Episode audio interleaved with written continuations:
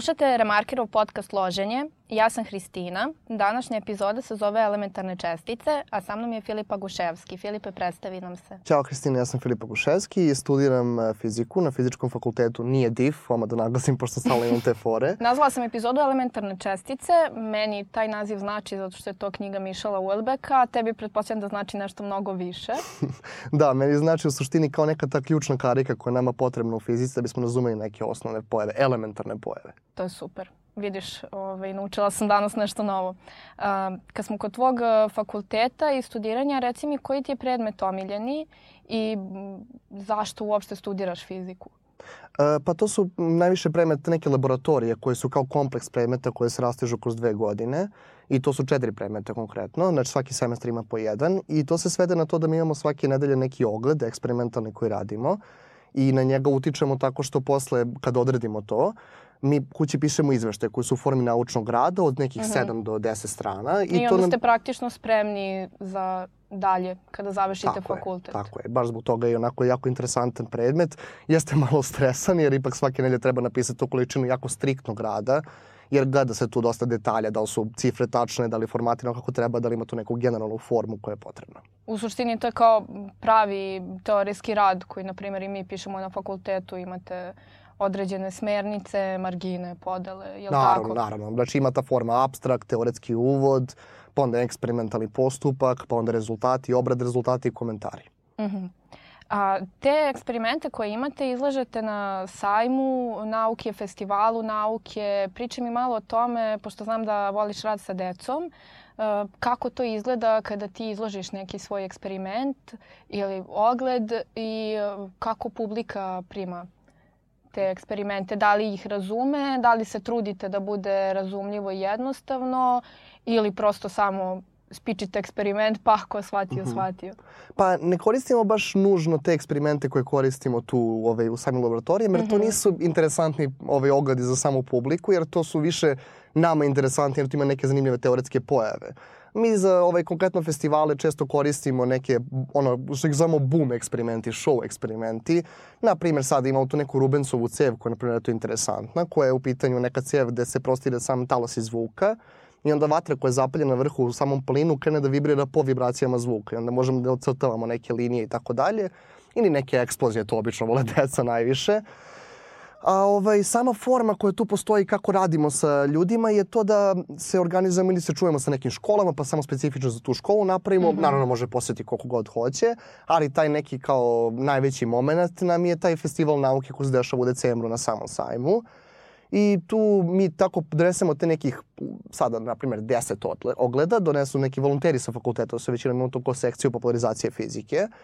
I mi tu imamo taj neki kao rad sa decom i sa odraslima naravno i mogu da kažem da ljudi baš lepo reaguju na te neke eksperimente.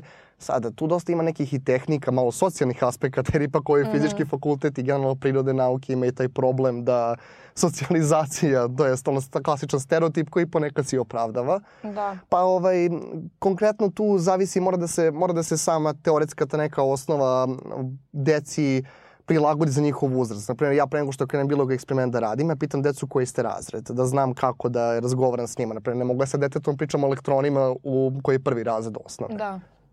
Meni je to zanimljivo kod tebe, pošto znam da voliš i ovaj, magične trikove i karte, trikove sa kartama. Mislim da je dosta ovaj, to povezano kako se ti postavljaš i sa tim eksperimentima, da ne moraju da budu uh, onako šturi i apsolutno tehnički tačni, nego da baš gledaš da bude što zanimljivije, pa makar i bio neki sam trik, što kažeš, eksplozica obična, ali služi da zainteresuje ljude. Jer naravno postoji ta verzija prema naukama koja se od malena javlja zbog matematike, zbog same računice i tih nekih ono, pratićih stvari i onda pokušamo da pokažemo da nije nauka samo, samo računice i te stvari, nego svuda oko nas i interesovanja su tu velika jer jer onda kao kad im pokažeš kako nešto pukne, zapravo će dete da sasluša zbog čega je to puklo.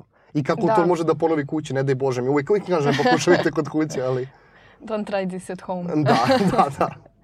Reci mi, pošto sad vreme i prijemnih, i upisa u škole, i upisa na fakultete, um, kako si ti upisao fiziku, kako si došao do toga, kako si upisao i svoju srednju školu, pošto dolaziš iz stručne škole. -huh. Malo pa, nešto o tome. Pa, interesantna je zapravo priča jer ja sam bio jedna od te dece koji fuj fizika, fuj ta matematika i tako dalje. Mada zbog elektrotehničke sam malo bio u obavezi da imam tu matematiku jer elektrotehnika jeste kao neki deo fizike. I sada ja sam od treće godine srednje, ja sam bio ubeđen, ja ću biti programer, to je to, ide mi super, je sve to. I onda nedelju dana pre prijemni, ja kao rekao, ajde napravim neki plan B fakultet, u slučaju da ne upadne matematički. Mm. I ja pogledam ovako plan i program samog fizičkog fakulteta i shvatim da mi se sve više i više sviđa. I onda sam pogledao i te neke stvari. Nisam na literaturu zarazio, ali same, ali same teme koje se dotaču mm -hmm. na, na ovim samim predavanjima, to su mi bili jako interesantne teme. Izašao sam na oba prijemna, oba sam upao i onda sam rekao, u, šta će sad biti? Ako da, upadnem pa, na oba, obično da. znam da ljudi imaju, koji žele da upišu programiranje, upisuju, ono, odnosno odlaze na prijemni za PMF, ETF, šta još ima u stvari, viša neka sve nešto. Ti si baš išao na prijemni i za programiranje i za fizički. I kako ti je pala ta odluka da upišeš fiziku? Pa tako što sam, kao možda sam krenuo pričam, baš mi je bio plan B i onda sam sebe zapitao, a šta ako upadnem na oba? -hmm. I onda to, to I jel si upao na oba? Jesam. Ali ovaj, mislim, to, to mi nije toliko ono, bilo bitno koliko sam ja bukvalno samo rekao sebi, ok, ja hoću se bavim ovim i ničim drugim u momentu. I to mi nekako bio jedna takođe iskretnica u životu, jer ja sam ono imao, bio sam jedan od one, one dosadne dece što od osnovne škole imaju plan šta će da upišu, kako će to da radi šta će tu biti. I onda sam tad počeo malo čak i da menjam život iz korene. To je zanimljivo tako. Mm -hmm. Savjetovao bi ljudima da malo prave neke te odluke iz hira, jer neverovatno je kako čovjek može se snađe u nekim situacijama, kako god ume. E, reci mi, uh, iskustvo tvoje na faksu, kakvi su ti profesori, kakvi su predmeti, uh, I sam taj prijemni, ovaj, opet mi nisi odgovorio na pitanje da li je teško pisati fiziku i uh, koje ti znanje treba predznanje u suštini da bi, da bi upisao taj fakultet? Što se tiče samog prijemnog, jedan je od lakših od celom univerzitetu u Beogradu. Znači, matematički deo barem ispita je sam ovaj, lak. Mm -hmm. Može ili matematika i ovaj, ili i ovaj fizika. Da li da misliš da, da je to zato što malo ljudi upisuje vaš fakultet? Da. Pa zbog neke popularizacije. Jer koliko se sećam, vi imate isto negde oko 300 studenta. Ba, mislim, pretpostavio sam broj. Kao i na FDU, da. otprilike, samo što je FDU malo traženiji trenutno. Da, ali fiziku generalno svi beže i to mi imamo generalno problema da se ne upiše dovoljno ljudi i te neke stvari koje tu imaju i onda zbog toga je vratno i lakši prijemni, ali što se tiče samo predznanja, ipak kada se zađe na predavanje zaključi se da treba neka količina predznanja, mm -hmm. Ali naravno ako je neko dovoljno inspirisan da sve to radi, može da se snađe da išu u medicinsku, može da se snađe tu naravno. Da, znači društveni smer otprilike bi mogao Ili... Bez problema. Mi čak imamo dosta ljudi sa društvenog smera, mm -hmm. više nego sa prirodnog smera, jer prirodni smerovi vole da idu na ETF, jer to je sada profitabilno i te neke stvari. Da, e, pa kad smo već kod toga, reci mi koja je perspektiva nakon fizičkog fakulteta? Da li postoji mogućnost za posao, koje su šanse? Pa ima, ima dosta sfera može da se, može da se upiše, da, da upadne neko u, posle, posle samog fakulteta. To su, na primjer, sada, znam da takođe radi dosta, ljudi sa našeg fakulteta u samom CERNu, legendarnom. Wow. da. Ovaj, I takođe prosveta, naravno, kao klasično prosveta ti ne gine. I da. to jer ima manjak profesor, čak i ako je zabrana trenutno ovaj, zapošljavanje u javnom sektoru, za, fizike, za fiziku se pravi jedan izuzetak jer fali profesora, mm -hmm. čak i u Beogradu fali posljednju cifru koju sam čeo, vratno ću da lupim, nije nešto osnovano, ali 50 profesora fali u srednjim školama u, mm -hmm. u mhm. Beogradu. Baš za fiziku. Da, baš za fiziku. Čisti, jer često predaju ljudi sa ETF-a i vi, sada, mislim, matematički često ume da predaje, ali, mm -hmm. ali mhm. čistih fizičara, profesora ima jako malo, jer stvarno malo ljudi polaže i upisuje i sve to. Da, pa e, reci mi, da li vi imate neke smerove kao na svim fakultetima ili je to samo fizika i Imamo smerove, mada njih razlike između smerova su jako minimalne. Mm -hmm. Osim znači jednog... imate iste predmete i... U slučini slušamo iste predmete, samo je to malo kao nek, te, tek na četvrtoj godini ili treći se javlja neke specializacije. Mm -hmm. Usmerenja, da, da. Usmerenja, da, moduli ti neki. Mm -hmm. Najspecifičniji smer koji bi rekao je ta opšta fizika, to je mi ga zovemo profesorski smer. E, taj, oni fokusiraju se na pedagogiju, na metodiku rada u samoj nastavi i te stvari. Ono što je meni isto zanimljivo kod tebe, to si mi pričao, ovaj, je način na koji si upisao srednju školu. I vola bih i to isto da mi, da mi pomeneš koju si srednju školu završio i kako ti je bilo iskustvo, uh, zato što eto, ponovit ću, ove sezone je prijemnih i samo me zanima kako si se odlučio konkretno za stručnu školu koja ima tako teške predmete kao što je matematika, fizika, hemija, koje zapravo u bilo kojoj gimnaziji nisu te težine koliko su bile u toj tvojoj školi. Uh, pa mislim, mogu ja sada da kao budem onako da, da jašem na taj talo što si rekao da je sve teško, ali u suštini sama škola nije preterano, ja sam išao u tehničku Zemunu, mm -hmm. koja je naravno onom starom glasu moca legendarnog, ali mm -hmm. ona je od te tehničke još od 2003. ako se ne varam.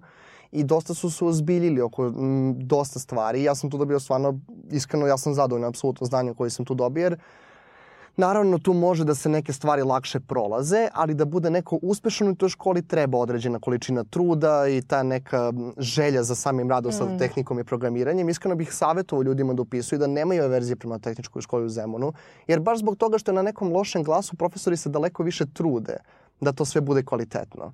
Da, to je baš lepo zato što onda ovaj, i ti profesori cene to što si izabrao baš tu školu što je uvek da. plus jer znam da u gimnazijama svako će da izabere gimnaziju i onda da. svako dobije isti tretman. Tako da eto upišite školu u Zemunu imaćete super lep tretman. Ove, ovaj, reci mi uh, sada da malo napravimo pauzu oko ovih stručnih stvari, fizike i svega koje su tvoje interesovanja i pošto sam podcast zove jel te loženje, na što se ti ložiš i ispričaj mi šta radiš u slobodno vreme, Da li uopšte imaš slobodno vreme? S obzirom da studiraš vreme. fiziku. imam slobodno vreme, mada mislim da bi trebalo da imam mnogo manje, kako, na, odnosno kako se ja odnosim prema fakultetu. Ali kao slobodno vreme više mi je provodimo u komunikaciji s ljudima. To se dosta isto prenosi na same igrice gde mm -hmm. ja kada igram igre, ja iskreno nemam neki specifičan žanr igre koje igram, većinom samo pokušavam da budu više igrača, jer volim tako sa društvom da rešavamo nešto, da se zabavljamo prosto i te neke stvari, ta neko provođenje kvalitetnog vremena. Pored toga, povezano sa time i sa onim na način na koji sam upisao fakultet, kao što sam malo pre rekao, zaključio sam da sam, bog me, do kraja srednje sam ja bio u nekom svom mehuru gde nisam uopšte istraživao život uopšte, nisam nekim disao punim plućima, pravio sam planove previše u budućnost, nisam uopšte ga do sadašnjost. To se dešava da sa pedantnim ljudima koji imaju tačno neki plan života, onda u nekom trenutku ti se to sve razbije. Mislim, znam i ja sam isto tako ovaj, planirala sve i onda sam samo počela da radim stvari koje su mi se htele u tom trenutku. Da, mislim, u suštini kao tu sam napravio neki plan i mislim opet, opet sam pravio plan neki, ali to jeste kao da sam uzeo tu ono, ono kao budističku da živi čovek u sadašnjosti. Ja sam to uvijek gledao sa nekim smejanjem kao ok, kako to mogu da živim u sadašnjosti. I onda sam kao, sad će ovo zvučati jako pretenzivno što ću reći, ali počeo sam da, da istražujem to neko kao ljudsko iskustvo. I to je jako interesantno i u isto vreme bih savjetovao ljudima da upadnu u takav mentalitet i ne bih savjetovao. Jer ono, savjetovao bi jer stvarno će čovek da izađe iz toga kao mnogo kompletnije biće, ali u isto vreme ne bih savjetovao jer može da se dosta stvari zapita čovek jer onda postane čovek e, cinik i kritičan mm -hmm. prema svom životu na način na koji ga je vodio do sada. I zato sad pokušavam da istražim svako moguće iskustvo da nemam neka kajanja za tipa sada 40 godina, da ja nemam neko kajanja da sam nešto propustio, da nisam iskusio nešto i te neke stvari. Ja znam da ti ne voliš mnogo da pričaš o igrama, ali ja volim, a ovaj, trenutno smo kod mene, tako da ćemo nastaviti još malo tu priču.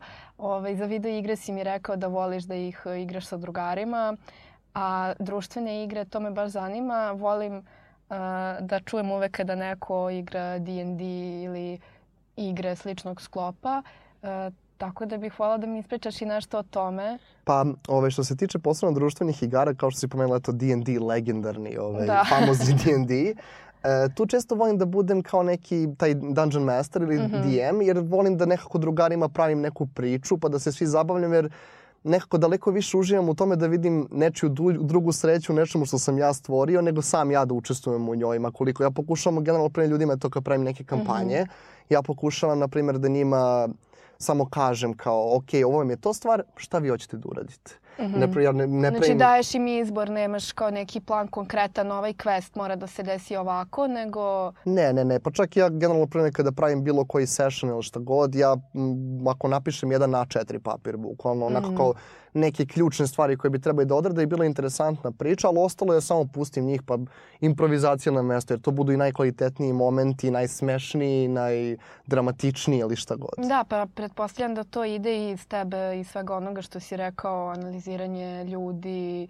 istraživanje iskustva, da zapravo e, kada kreneš da igraš tu igru, da znaš tačno koji igrači šta njima se dopada i način na koji igraju, tako da... Jeste, dosta personalno pravim te kampanje. E, Da, da. Ne volim, na primjer, da pravim s ljudima, kad raz... bilo šta kao prvo kad igram video igre, ja ne volim to kad igram s ljudima koje ne znam toliko puno, na primjer, da barem nismo, eto, da kažemo, blejali barem jednom. Mhm.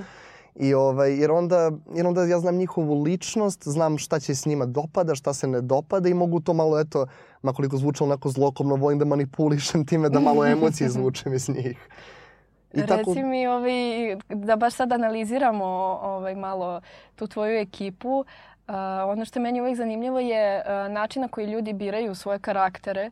I sad vola bih i da mi ti kažeš da li si primetio da, na primjer, ljudi koje baš dosta dugo poznaješ i znaš kakvi su, da biraju uh, junaka koji je potpuno suprotan onome što su oni ili baš biraju ono što jesu. Ja, na primjer, to gledam, uh, moj tata, on je lekar i on je uvek igrao healera, što je uvek bilo bizarno i kao tata, zar nećeš da igraš nešto drugo? Ne, ne, ne, ja najbolje znam da healujem. Tako da znam da ima takvih ljudi, a znam i da, na primer, ovaj, uvek igrao žensko i uvek igrao tog nekog undeada ženskog. Zanimljivo. Tako da, znaš, postoji tu ta neka distorzija, da li neko ko je muško igra žensko, ko je žensko da igra muško, ako je neko mršav da igra tenka i tako. E, ispričaj mi nešto o tome kako ti analiziraš te... E, iskreno, ja sam, ja, sam, ja sam očekivao da će ljudi ili birati nešto po svom karakteru ili apsolutno suprotno svog, ali neverovatno je koliko je to, eto, na opet tematiku društvenih igara je bacanje kockice kako će ljudi izabrati lika. Naprimjer, često mi se dešava da ja ne mogu bukvalno da predvidim šta će neko uzeti, jer, naprimjer, u jednom u jednom, na primjer, igri kad budem igrao, na primjer, eto D&D, izabere nešto, lupiću sada, eto, na primjer, nekog e, ozbiljnog viteza, a, na primjer, mm -hmm. igramo Cyberpunk, što je isto kao neka varijanta D&D-a, mm -hmm. i tu, na primjer, izabere nekog e, muzičara. Znači, ljudi vole čak i, e, zanimljivo, jedino, jedino što sam konstantno primetio, je da ljudi vole da menjaju iz igre u igru šta igraju. Aha, znači, znači vole neki da... role play postoji non stop. Tu. Da, da. A, a vole da, izgleda ljudi možda vole sebe da izazivaju malo nekim rolovima koji ili će prijati njima ili im neće prijati. Mm -hmm. um, ovaj, I to, na primjer, to D&D, kad se već pomenulo, to isto može se prenosi čak i na video igre. Na primjer, kada mi igramo neku tu društvenu video igru, bilo, mm -hmm. kakav, bilo kakvog tipa, primetio sam da mi, mi nikada ne radimo nešto što je direktno nama igra rekla da radimo, nego pravimo neku našu zabavu. Na primjer, sad igramo neke one legendarne MMO-ove, da pre treba da uradimo quest. Mi smo onda u fazonu kao, e, aj se popnemo na ono brdo pa da vidimo da li će biti nešto na vrhu, pa onda krenemo se zezamo na tom brdu, ne znam, duelamo se ili šta god, koja god bude neka zanimljiva priča. Pa primećujem da generalno, barem što se tiče uh, moje neke ekipe pokušavamo malo da pravimo sami svoju zabavu kad mm -hmm. igramo nešto. Znači I onda... volite da istražujete i ostale stvari koje su nevezane od questova. Da, i na kraju dana zbog toga, eto, kao što si rekla, ne volim da pričam o igrama, jer ja ne mogu sebe da deklarišem kao osoba koja igra igre. Mm -hmm. Više se družim sa drugarima, samo što eto, spletom okolnosti ne odemo u park i sednemo, mislim i to radimo, nego sad ovoga puta dođemo od kuće, postavimo samo mikrofon i slušalice i prosto igramo što god stignemo, nešto da se zabavljamo i tako neke stvari. Naprimjer, eto, legendarni kanter koji je kod nas eto mm. popularan. To desto često volimo da igramo zato što se svede i provalio sam da zanimljivo je da ima paralela između te igre i samo kao sporta uživo kad ljudi mm -hmm. igraju. Prozivanja su ista, druženja su ista, hvaljenje je isto i te neke stvari. I onda zaključim da ja uopšte Mislim, nisam toki ni ljubitelj te igre, ali zaključio sam da kad igram s drugarima, meni je to bukvalno najbolja stvar ikada. Što se mene tiče, ono, možemo samo i da sedimo i da bacamo kockice ceo dan, meni će biti interesantno ako napravimo neku svoju zabavu iz toga. Da, znam i da je zanimljivo kada se okupite da igrate često mafiju. to, da. je, to je uvek super. Jer pravimo te neke naše ovaj, scenarije, onda da, bude kao... Da taj ovaj zemunski klan, pa italijanska mafija, pa jakuze i te neke stvari, pa puštamo muziku, pravimo onako suživimo, zezamo i tako te neke stvari. Fantastično. Filipe, mnogo ti hvala što si bio moj gost danas. E, hvala tebi što si me pozvao, iskreno baš mi je bilo super, super razgovor. Meni isto, hvala ti.